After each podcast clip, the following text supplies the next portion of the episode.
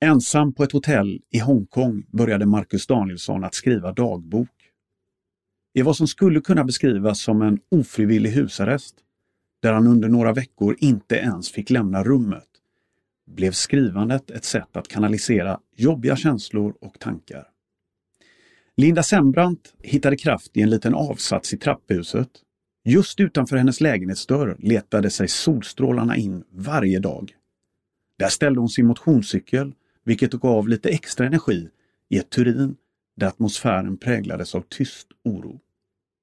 År 2020 kommer för evigt vara året vi ser tillbaka på som coronapandemins år. För fotbollen har det inneburit publikfria matcher, inställt EM, inget OS och ekonomisk kris. Två spelare som förmodligen har fått känna av pandemins effekter extra mycket är landslagsspelarna Marcus Danielsson och Linda Sembrant. Vi pratar med dem om hur detta minst sagt udda fotbollsår har varit. Välkommen till ett nytt avsnitt av podden Svensk Fotboll. Jag heter Juan Martinez.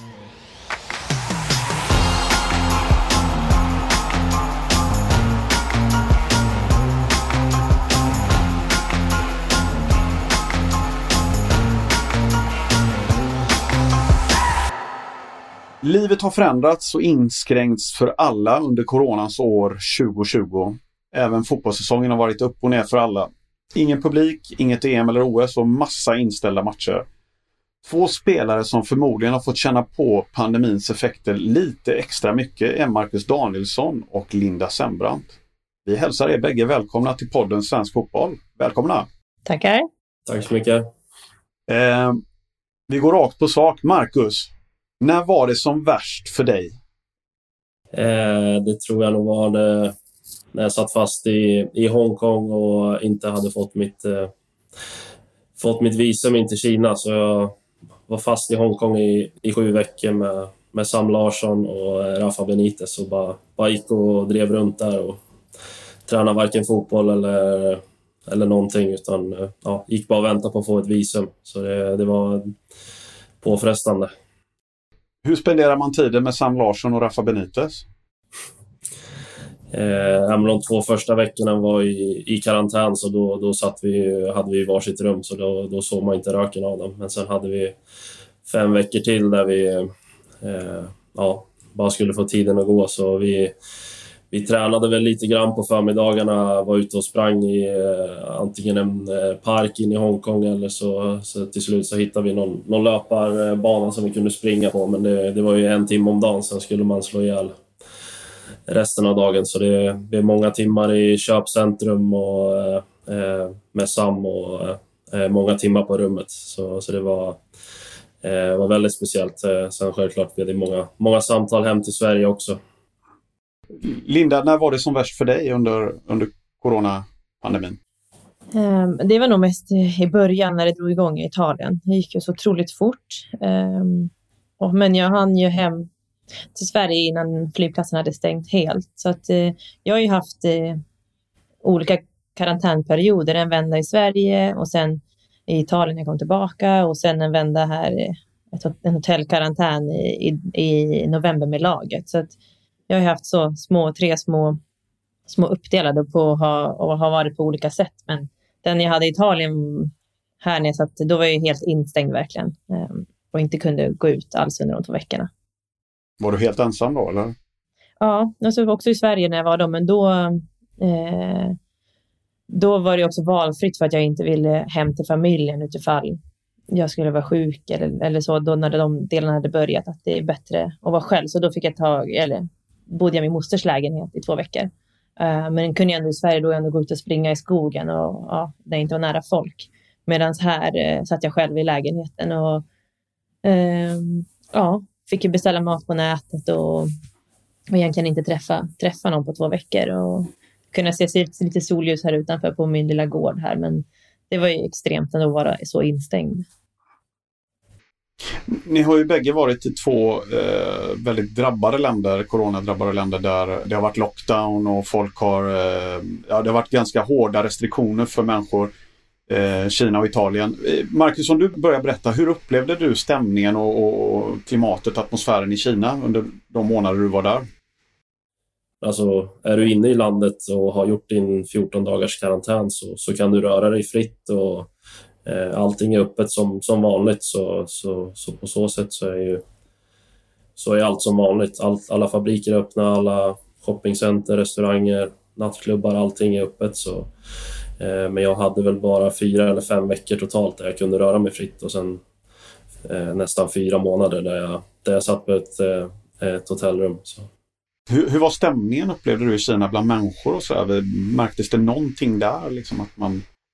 Jag vet inte hur det var innan liksom, viruset bröt ut i Kina, om det är någon skillnad så, men eh, det var väl att eh, alla gick med munskydd i stort sett och det var väl det som man inte var van vid från tidigare. Så, men eh, det kändes som att eh, Kina var som vanligt. Eh, sen, sen valde ligan att eh, besluta sig för att alla lag skulle samlas på ett hotell liksom, för att minska risken för att eh, få smittade spelare och, och, det var ju ingen spelare som blev smittad vad jag, vad jag vet. Så. Och Linda, i Italien var det ju väldigt, väldigt allvarligt läge. Det var ju första europeiska landet som kanske Eh, fick väldigt många dödsfall samtidigt och speciellt norra Italien där du befinner dig då. Berätta, hur, hur, hur var det där? Hur märktes det på klimatet att det var en pandemi? Um, jag tror att den perioden där det var som allra värst där i början, jag uh, hann ju ta mig till Sverige innan, innan jag blev instängd här. Så att jag, kunde, eller jag gjorde de veckorna uh, eh, i Sverige, men mina, medan mina lagkamrater satt ju instängda i, vad var det, nio, tio veckor helt. Eh, och vissa um, satt ju verkligen inne i lägenhet utan att ens knappt ha en balkong och vissa satt ju, hade i alla fall en trädgård. Så att man märkte att det tog väldigt hårt och um, jag tyckte jag märkte väldigt mycket när jag kom tillbaka, då i maj när vi blev tillbaka kallade, att vi skulle försöka dra igång träningen. Eh, att när jag kom hit och man möter, och först och främst när man reser, att det är, det är ingen som är på flygplatserna. Den första resan jag gjorde. Um, och sen när man kommer hit och träffar de som bor här. Um, på det lilla torget som jag, där jag bor, precis bredvid där jag bor. Eh, och de människorna som man lärt känna lite här, de äldre. Lite så man märkte när man träffade dem första gången hur, hur det hade påverkat, hur tagna. Först och främst tyckte jag att de såg väldigt annorlunda ut fysiskt, liksom. Att det tagit väldigt hårt. Eh, hur då eh, såg du det?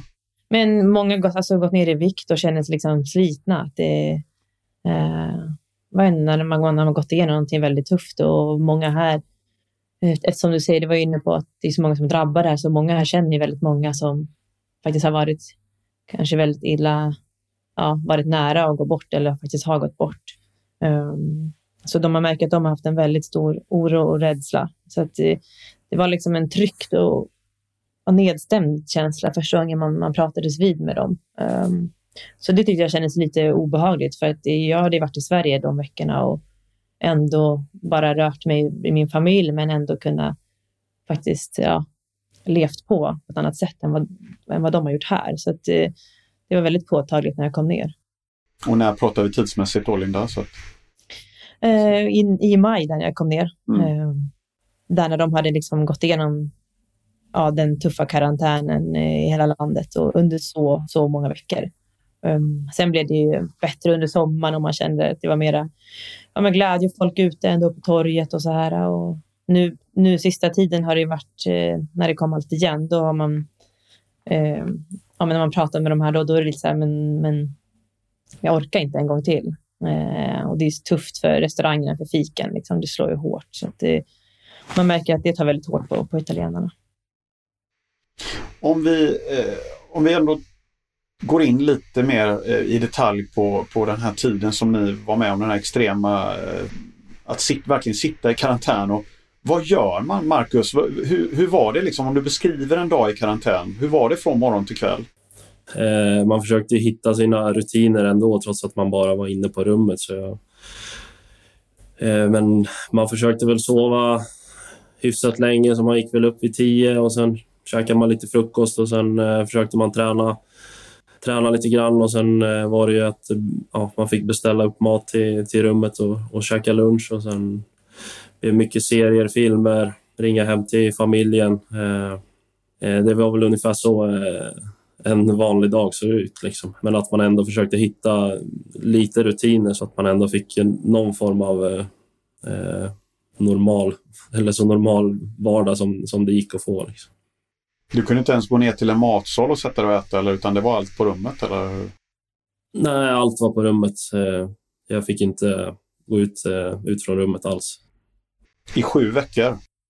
Nej, eller jag tror jag har fem veckor i karantän totalt och det är mm. två vänder. Så, så först hade jag tre veckor där i, i, i slutet av eh, mars och sen så hade jag två veckor till när jag flög in till Kina i mitten av juni. Så, mm. eh, och sen eh, när ligan var igång så, jag vet inte om man kallar det karantän, men, men eh, ligan spelades under 100 dagar och de dagarna så, så var jag på ett hotell och lämnade bara för träning och match. Men, men då var det ju, man kunde ju röra sig fritt inne på hotellet och lite grann runt omkring hotellet då. Så, så det var ju bättre än eh, eh de riktiga veckorna i karantän.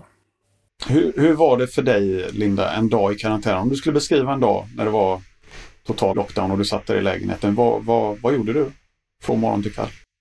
Um, nej, men jag försökte också alltså, sova bra ändå. Uh, men kanske frukost vid nio, halv tio. Uh, träna. Um, vi fick, uh, eller klubben fixade så att vi fick um, träningscyklar. Så den kom hit dagen efter att jag anlände till Italien. Um, så cykelintervaller på den och eh, ja, annan slags träning i lägenheten. Nu har jag en liten yta precis utanför lägenheten här där jag eh, kunde lyfta ut cykeln i alla fall och få lite luft att träna.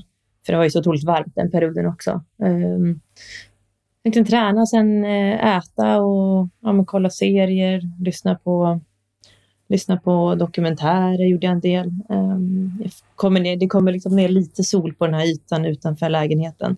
Så att um, jag försökte få lite eftermiddagssol med, med en kaffe faktiskt. Um, så det känns som att jag gick ut på min rastplats ungefär. för att kunna se himlen lite grann. Mm. Nej, men sen under den perioden här, jag försökte också göra sådana saker som man aldrig gör annars i, i lägenheten och, och röja och rensa lite. Sådana delar jag försökte ta. Så att på första dagarna då kände jag att det här kommer bli väldigt tufft. Eh, sen kom man in i det och för mig var det viktigt med rutinerna, för annars tror jag att det är tufft. Annars tänker man hela tiden så här, jag börjar träna om en liten stund, om en liten stund och så går timmarna. Um, så att uh, det rullade på rätt så bra ändå, men var otroligt skönt när vi fick uh, faktiskt komma och träna och åka och träna på anläggningen. Vad har ni gjort under de här månaderna som ni annars inte skulle ha gjort? Mm. Nej, jag vet inte. Jag koll, alltså det blir mycket, mycket serier, mycket samtal, otroligt mycket samtal eh, till vänner och familj och, och håller, försökt hålla kontakten och, och se hur alla mår och, och sådana delar. Så att en, eh, en hel del sånt skulle jag säga att det verkligen blivit, vilket också man uppskattar väldigt mycket, för det är sånt som man kan det kan brukar kunna gå väldigt lång tid mellan gångerna eh, när man hörs med sina vänner och, och eh, det är väl någonting som man också vill fortsätta med för att det, det är en väldigt viktig del för mig. Och du Marcus, har du något sådär som du har gjort under de här månaderna som du annars inte skulle ha gjort? Har du lärt dig någonting eller har du liksom fördjupat dig i något ämne eller? Ja, jag har skrivit dagbok. Det, ja. det är det jag har gjort som kanske sticker ut som jag inte har gjort tidigare. Så Eh, för det har, hänt, det har hänt mycket under året så jag kände ja, under tiden jag var i Hongkong att ja, det kan nog vara, kan nog vara bra att liksom, eh, börja skriva vad, vad som händer och det blir liksom som en, eh, ett sätt att bearbeta tankar och, och allt sånt. Så, så det, är väl, det är väl kanske det som, eh, som jag har gjort eh, annorlunda eller någonting annat än vad, vad jag gjort tidigare. Eh, så det, det är ganska kul att, att titta tillbaka, och se vad, vad som hände egentligen, eller vad har hänt under det här året. För jag, det är mycket som det är lätt, eller det är lätt att glömma, sådana små grejer som, som, var, som, var väldigt, som man tyckte var väldigt annorlunda då just när det hände. Vad spännande. Vad, vad, vad skriver du i dagboken? Är det känslor eller är det mer berättar du vad som händer och inte händer? Eller? Ja, det är väl lite både och, men lägger väl fokus på, på känslorna och hur, hur mina tankar går och vad, hur jag upplever, ja, upplevde situationen som, som jag var i. Liksom. Så det väl, var väl mest fokus på det och sen, sen självklart så, så händer det vissa grejer som, som man gärna vill kunna titta tillbaka på och, och eh, som just då kanske var väldigt, eh, väldigt eh, jobbiga när de hände liksom, men, men som man kanske kan skratta lite åt så här i, i efterhand.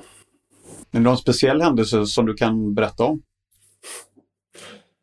Nej, det är, jag vet inte om man ska plocka ut något så, liksom, men det är bara det att, att sitta i karantän, liksom, hur, hur det påverkar en eh, mentalt och att liksom inte ha den här friheten som jag pratade om tidigare. Att, att eh, liksom bestämma själv vad, vad du ska göra, utan du, du, måste verkligen, eh, du måste verkligen vara inne på rummet och du, eh, eh du har, du har liksom inget, ingen valmöjlighet. Det, du, och liksom det här som, som Linda sa, att man all, det är en sån osäkerhet. Du vet aldrig, det kan, det kan ändras så snabbt liksom vad, förutsättningarna för vad, vad som kommer hända.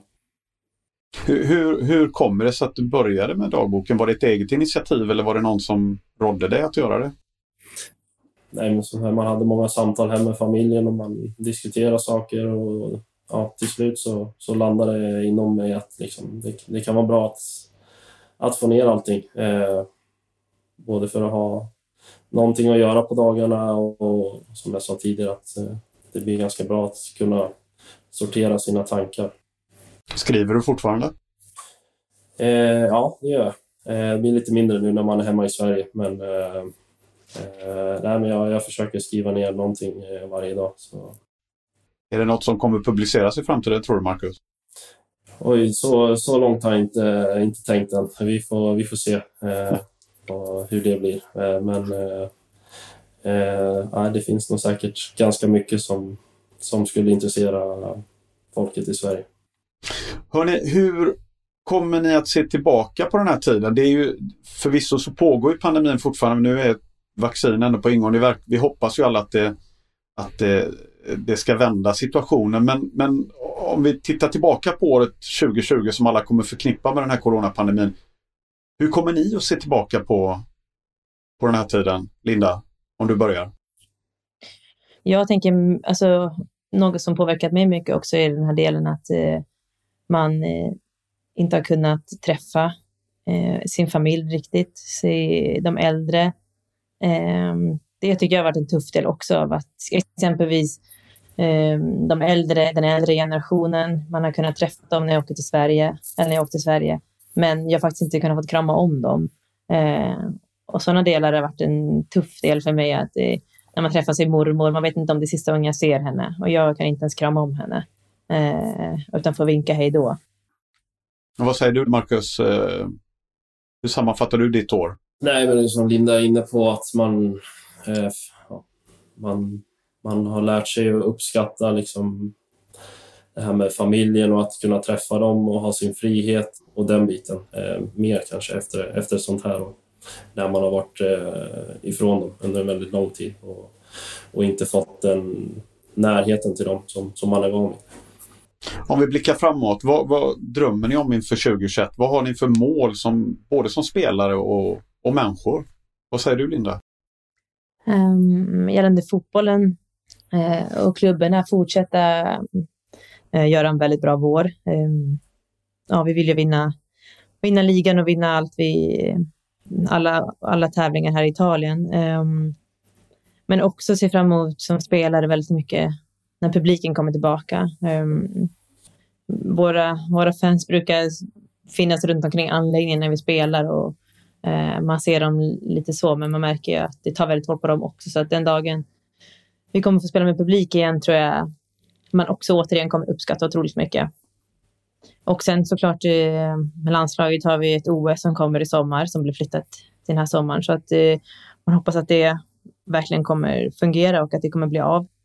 Sen som person eller som människa, eh, ja, men egentligen det som vi var inne på med att uppskatta alla nära och kära och faktiskt den tiden man får med dem, att det är, det är någonstans det som, som betyder någonting och är väldigt viktigt. Eh, alla andra saker spelar mindre roll, eh, utan mer uppskattar den tiden tillsammans. Och hoppas att de kan komma och hälsa på eh, Italien också under året och, och kunna umgås, eh, umgås här också. Så att, eh, mest sådana delar.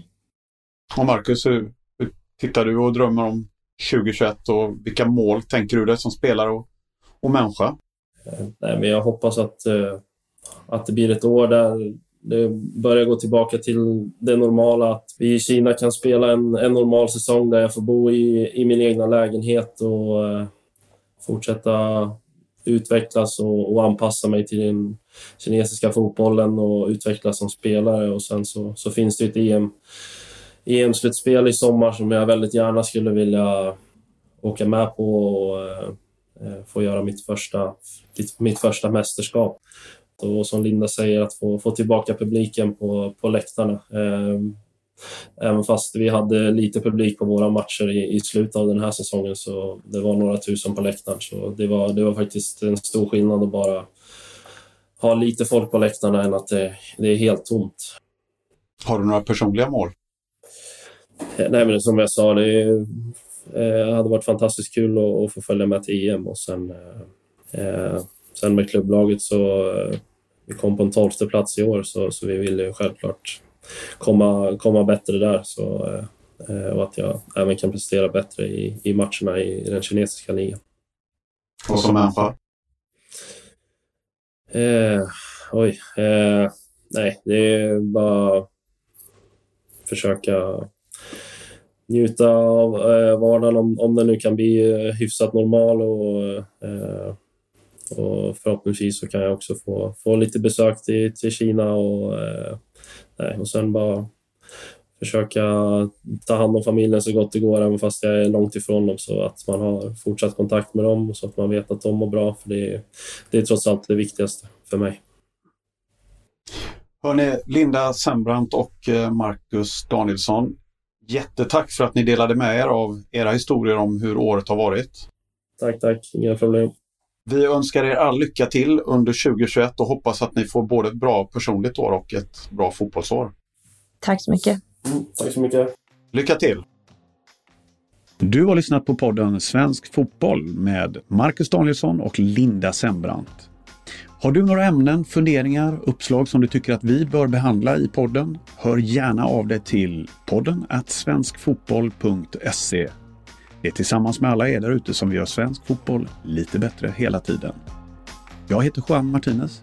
Stort tack för att du var med oss.